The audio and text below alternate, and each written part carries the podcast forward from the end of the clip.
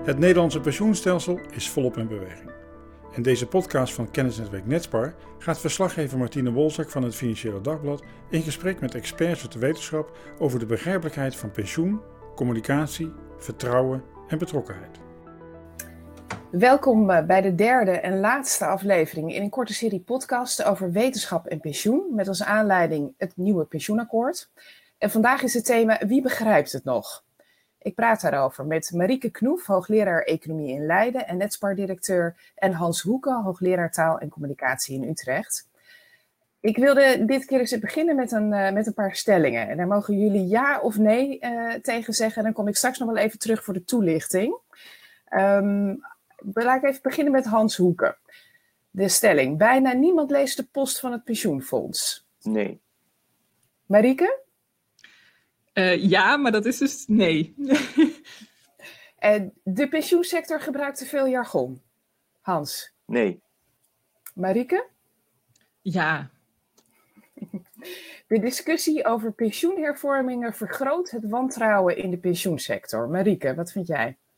Uh, ja. Hans? Ja. En betere communicatie is de sleutel voor succes van het pensioenakkoord. Marieke? Ja. En Hans? Ja. Nou, die laatste waren jullie het in ieder geval over eens. Daar kunnen we uh, dadelijk over verder uh, praten.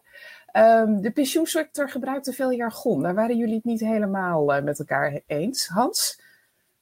Nou ja, ik denk dat um, natuurlijk gebruiken ze een bepaald jargon, maar het is heel moeilijk of het wordt heel omslachtig om dat jargon te vervangen door um, misschien meer begrijpelijke taal. Dus je kunt volgens mij beter zeggen: dit is het woord dat we gebruiken en dit verstaan we eronder. En vervolgens dat jargon gebruiken, omdat je dan een efficiëntere, kortere communicatie kunt gebruiken. Dus ik denk niet dat je uh, helemaal ontkomt aan jargon. En dat het ook een functie heeft om communicatie soms sneller te laten verlopen. Maar je, je hebt dan wel, je laat dan wel de verantwoordelijkheid op jezelf om dat jargon goed uit te leggen. Ja, Marieke, jij dacht er net anders over. Ja, ik moest denken aan uh, de dekkingsgraad. Uh, dat is dan vooral in het oude stelsel. Uh, dus daar hadden we een actuele dekkingsgraad, een beleidsdekkingsgraad, een kritische dekkingsgraad. En ik moet elke keer weer nadenken wat wat betekent. Laat staan dat de gemiddelde Nederlander dat begrijpt.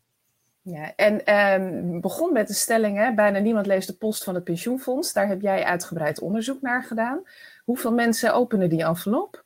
Nou, ik weet niet precies hoeveel mensen ze openen. We hebben wel gekeken als mensen uh, een brief krijgen met uh, bepaalde informatie. Uh, hoe is dat dan zes weken later? En als we zes weken later mensen een paar vragen stellen, kunnen ze die vragen over dat pensioenstelsel dan beter beantwoorden. En dan zien we dat nou, post wel degelijk helpt. Dus de kennis van de mensen die post gekregen hebben, die is daadwerkelijk wat hoger.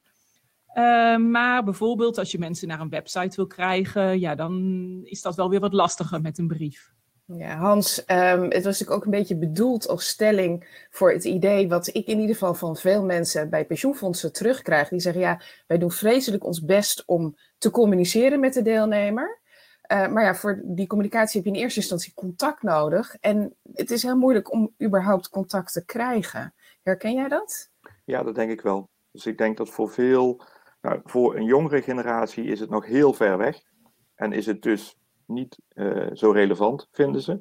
Um, en um, voor een oudere generatie denk ik dat er wel eerder naar uh, zal kijken. Maar tegelijkertijd, je gaat informatie zoeken op het moment dat je denkt van ja, ik kan iets mee doen. En heel veel mensen hebben toch het idee, ja, dat pensioen, dat, uh, dat wordt helemaal buiten mij omgeregeld. Ik heb daar niks te kiezen, ik heb daar niks aan aan te passen.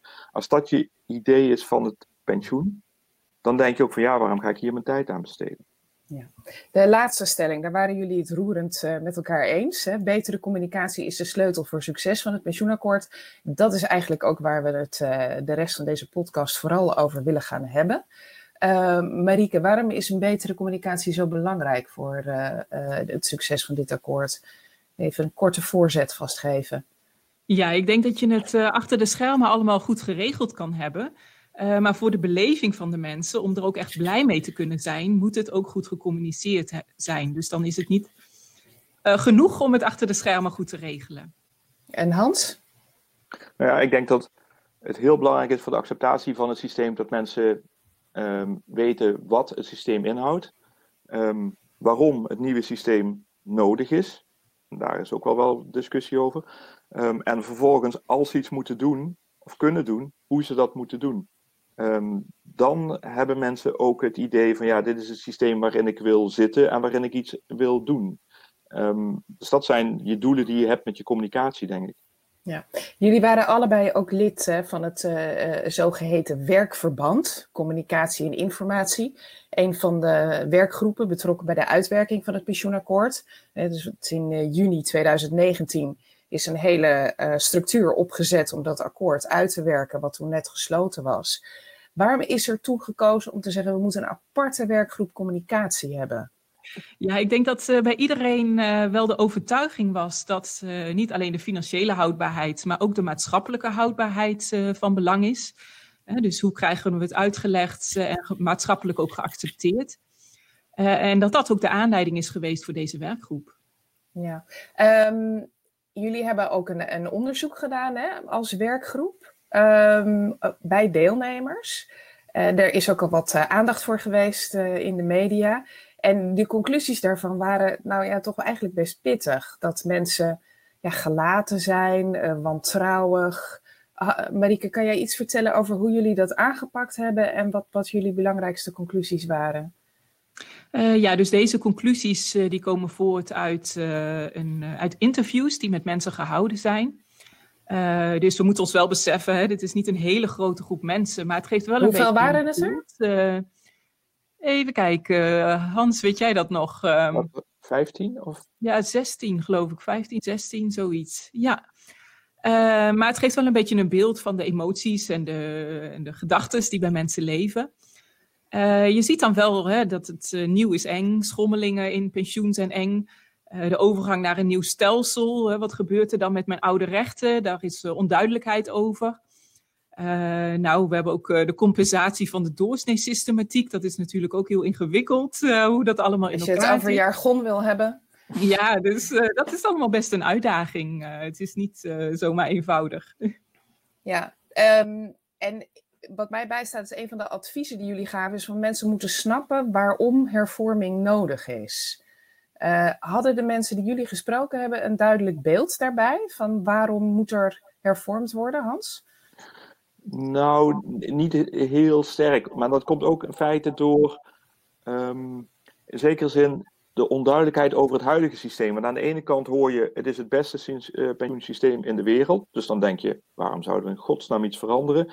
En aan de andere kant heb je natuurlijk alle onzekerheid over, nou, mij was beloofd dat ik zoveel pensioen zou krijgen en nu word ik niet geïndexeerd of ik word uh, zelfs gekort en dat soort dingen. Dus daar zit een, um, een, een soort mismatch of een onduidelijkheid over van waarom is het nieuwe systeem nodig. En daarvoor moet je eigenlijk, je, je ontwikkelt een nieuw systeem op het moment dat het oude niet voldoet. En je zult dus moeten uitleggen, wat is het probleem met het oude systeem om het nieuwe systeem aanvaardbaar te maken. En dat is best maar, ingewikkeld. Ja, Marieke, heb jij het idee dat dat inmiddels lukt om dat uit te leggen? Uh, ja, ik denk wel dat er, uh, ja, dat komt natuurlijk ook nu uh, met de lage dekkingsgraden en dergelijke, de, de dreigingen van kortingen die we al, al een tijdje hebben, um, dat er wel het idee is ja, dat, dat dit niet het pensioenstelsel is waar we een, een lange toekomst mee hebben. Um, maar wat dan wel, dat is natuurlijk voor mensen nou, niet zo makkelijk.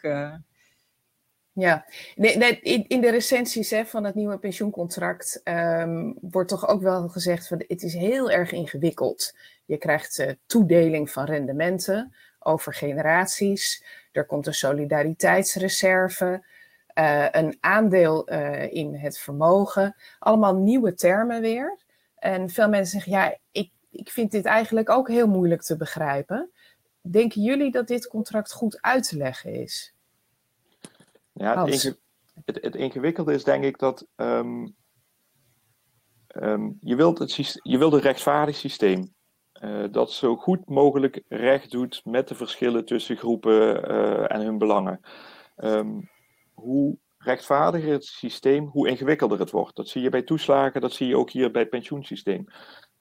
Dus er zit een soort spanningsveld tussen hoe rechtvaardig is het systeem, met meteen een oplopende complexiteit en wat het meteen moeilijker uitlegbaar maakt. Dus als je het systeem simpeler maakt, kun je het beter uitleggen, maar tegelijkertijd wordt het ook, laten we zeggen, iets wat onrechtvaardiger voor bepaalde groepen. En dat is een heel ingewikkeld spanningsveld, denk ik. Ja, Marieke? Ja, ik denk dat het een uh, illusie is om ons uh, voor te stellen dat iedereen zich erin verdiept en alles zal begrijpen. Uh, ik denk dat er wel een verschil is tussen enerzijds het begrijpen van het hele stelsel en anderzijds het accepteren van het stelsel. En ik kan me wel voorstellen, juist met de, de nieuwe regels, waarbij we geen rekenrente meer hebben, waarbij er minder ruzie hoeft te zijn tussen generaties, um, dat, en meer transparantie, dat dat wel tot wat meer acceptatie kan leiden. Ja, wat ik zelf merk, ik volg uh, vrij veel uh, bijeenkomsten hè, met gepensioneerden en ook voorlichtingsbijeenkomsten van vakbonden bijvoorbeeld. En dat er toch heel erg naar de techniek gevraagd wordt door mensen. Ze willen precies weten hoe het werkt en hoe het onder de motorkap in elkaar zit. En als ze dat niet begrijpen, en dit is wel specifieke groep, hè, dat zijn de mensen die zich laten horen, um, dan voedt dat het wantrouwen. Is dat iets wat jullie herkennen en uh, speelt dat breder? Of zeg je dat is echt iets voor een, een bepaalde groep waar dit uh, leeft? Ik denk dat een bepaalde groep um, geïnteresseerd is in wat er onder de motorkap gebruikt. Ook vanuit het idee, dan kan ik zelf een oordeel vellen over die rechtvaardigheid. Op het moment dat je dat niet meer kunt, of omdat het te ingewikkeld wordt of omdat het niet goed uit te leggen is, dan betekent het dat je moet vertrouwen op um, feiten hoe heeft de overheid mijn belangen gewogen ten opzichte van andere uh, groepen? En dan heeft het eigenlijk te maken met ja, de geloofwaardigheid van de uh, overheid. En dat is op zich wel interessant, want bij geloofwaardigheid denken wij meestal aan: is iemand deskundig en is iemand betrouwbaar? Maar hier speelt een derde factor een rol. En dat is eigenlijk de vraag van hoe uh, welwillend of hoe veel oog heeft deze bron of deze organisatie voor mijn belang? Hoe goed heeft je het met mij voort? En op het moment dat je um, de overheid daarin wantrouwt, het idee hebt dat ze daar geen goede afweging hebben gemaakt en tegelijkertijd niet het systeem goed genoeg kunt begrijpen om je eigen oordeel te vellen, ja, dan heb je een probleem. Ja, Marieke, is, zijn er in de pensioensector genoeg partijen die het brede vertrouwen hebben? En pensioensector bedoel ik nu heel breed, hè? dus politiek, polder en uitvoerders uh, die het vertrouwen van de deelnemer hebben om zo'n boodschap over te kunnen brengen? Ja, ik denk dat het uh, met het oude stelsel ook best ingewikkeld was om dat goed over te brengen. Want enerzijds heb je de groep ouderen uh, die hoort, goh, er zit zoveel geld in die pensioenpotten en toch word ik gekort en dat niet kunnen, kunnen begrijpen. En aan de andere kant de jongeren die denken, nou, als ik later oud ben, dan zit er niks meer in, het, in, in de pensioenpot en dan is er geen pensioen meer voor mij. En uh, nou ja, waar mijn oma vroeger zei, uh, goh, uh, het zal wel zo moeten zijn, want als de expert het zegt, dan is het zo. Ja, dat, die wereld is ook wel wat veranderd. Um, en als je dan nou, ruziende partijen hebt, dan krijg je dus ook wat meer polarisatie. Want de mensen die denken, ik ben bijvoorbeeld voor het nieuwe systeem, nou, die horen de experts die, die dat ook zeggen en die worden nog zekerder in hun overtuiging. En de mensen die zeggen, ja nee, dat nieuwe systeem dat is uh, hopeloos. Uh, nou, die krijgen ook wel wat experts uh, te horen die dat ook vinden. En die worden ook nog meer overtuigd in hun eigen ehm, nou, gedachten. En daarmee krijg je eigenlijk steeds meer polarisatie. Ehm. Ja. En wat ik denk, als ik nog daar aan mag aanvullen. Um, ik denk dat um, mensen ook heel goed kijken wat vinden mijn belangenbehartigers ervan. Dus ik denk dat vakbondsleden uh, misschien niet de hele, het helemaal gaan doorwerken, maar eigenlijk wel willen weten wat vindt mijn vakbondsvoorzitter ervan? Is die bereid om dit te verdedigen? Is die bereid om te zeggen uh, dit is verdedigbaar, dit is een uitvoerbaar en goed uh, akkoord? Dan zullen ze eerder geneigd zijn om te denken: oké, nou ja, dan zal het wel, dan wanneer bijvoorbeeld de werkgevers dat zouden zeggen of de overheid dat zouden zeggen. Dus het is ook wel heel belangrijk voor de aanvaardbaarheid van het akkoord in hoeverre de organisaties die de belangen van bepaalde groepen vertegenwoordigen, uh, hun handtekening daaronder zetten. En ook zeggen van ja, wij vinden dat dit aanvaardbaar is. Ja, uit jullie eigen onderzoek blijkt ook heel erg dat in ieder geval in de groep waar jullie mee gesproken hebben. Uh, en, uh, en dat was een kleine groep, maar ik herken het in ieder geval zelf ook heel erg uit de reacties die ik bijvoorbeeld van lezers krijg. Is dat mensen willen uiteindelijk vooral weten wat betekent zo'n hervorming voor mijn pensioen? Gaat het omhoog? Gaat het omlaag? Um, en die boodschap is, ja, hoe breng je die over? Wat gaat dit betekenen? Nou ja, jij had het straks over het onderzoek dat we dit zien over gelaatheid aan de andere kant aan de ene kant en wantrouwen aan de andere kant.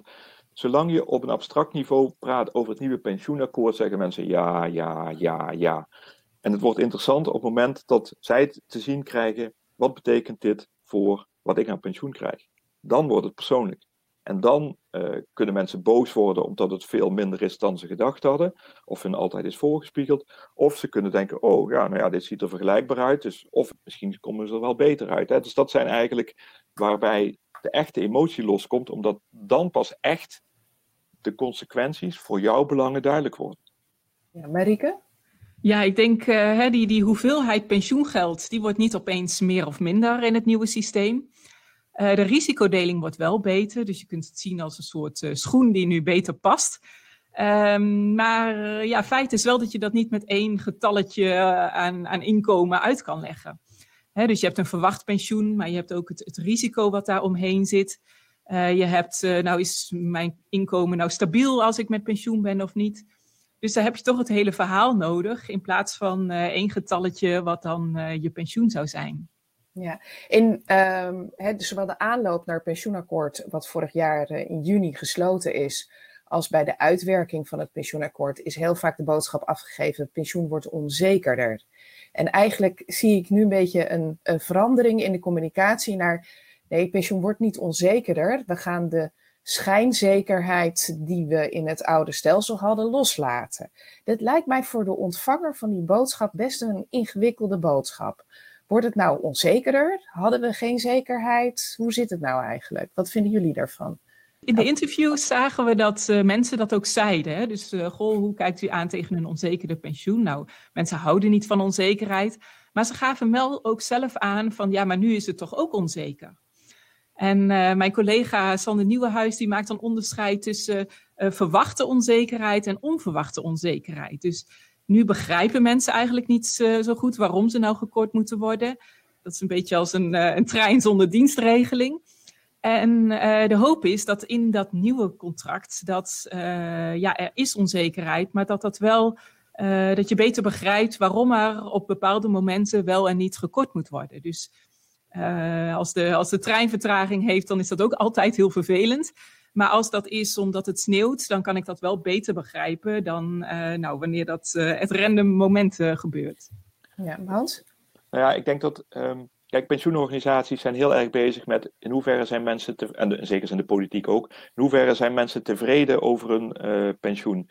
Ja, tevredenheid, dat heeft iets te maken met wat had je eigenlijk verwacht.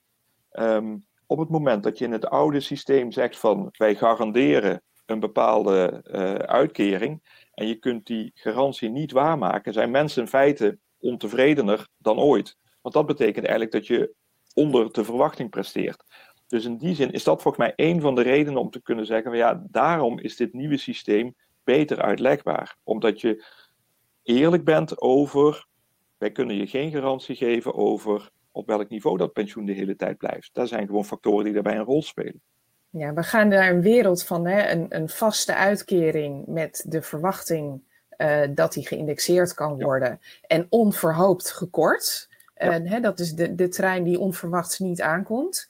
Naar een wereld met een variabele uitkering die een beetje kan dalen en dan een beetje kan stijgen. Tenminste, dat is het idee. Hm. Um, nou hebben we natuurlijk eigenlijk al een pensioenvariant die daar heel erg op lijkt. De wet verbeterde premieregeling waar mensen kunnen kiezen voor een vaste uitkering of een variabele uitkering.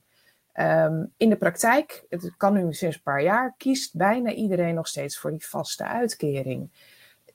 Geeft dat nou eigenlijk aan dat mensen dat veel liever willen? En richten wij nu helemaal een verkeerd pensioenstelsel in met een variabele uitkering?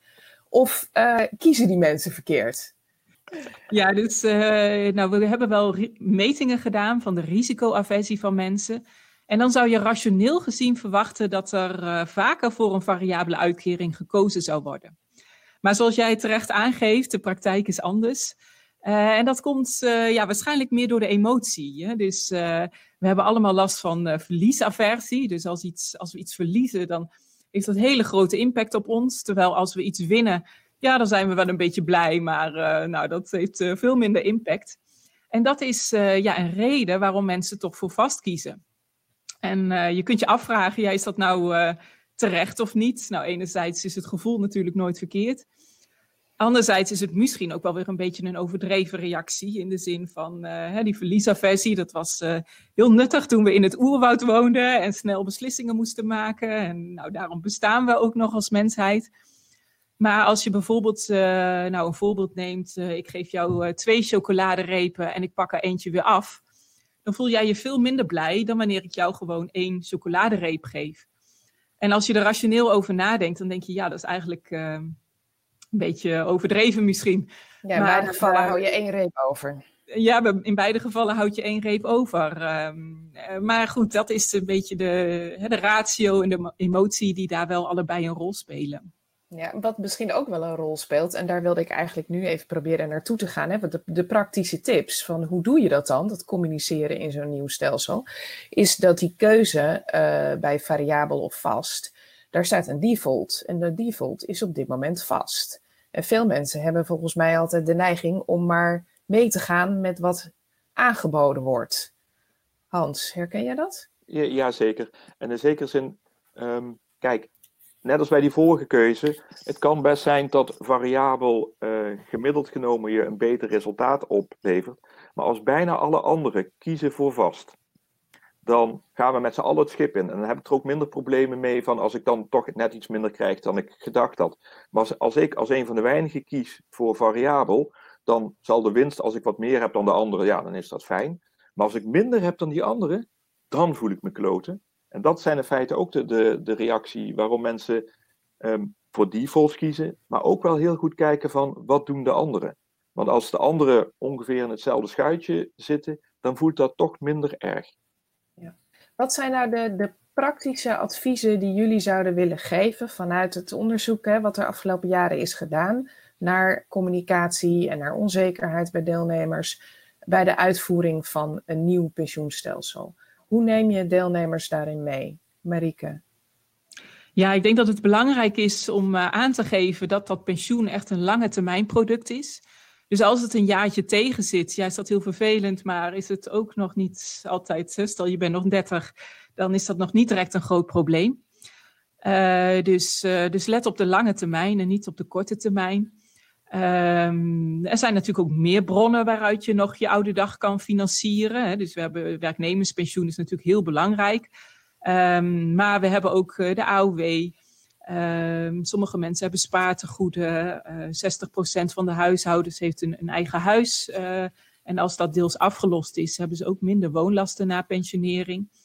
Uh, dus het is wel goed om dat ook een beetje in, in het wat bredere perspectief te zien. En hoe doe je dat dan? Want moet, ik, ik weet dat veel pensioenfondsen zijn bijvoorbeeld bezig met het ontwikkelen van webtools waarin je zelf kan aangeven van is mijn huis afgelost, hoeveel verwacht ik uit te geven. Is dat de kant die we op moeten? Ik denk dat dat zeker kan helpen. Ja, op dit moment uh, ja, zijn het, moet je op allerlei plekken inloggen en is het best wel moeilijk om een totaaloverzicht te krijgen. En als we mensen daarbij kunnen helpen, zou dat natuurlijk uh, heel mooi zijn. Hans?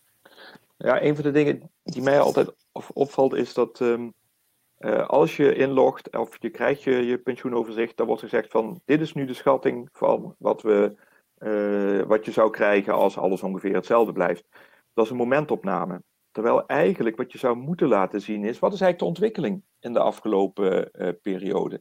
Dus dat je kunt laten zien van, nou dit is eigenlijk redelijk constant, of hier zie je een piek en hier zie je een dal.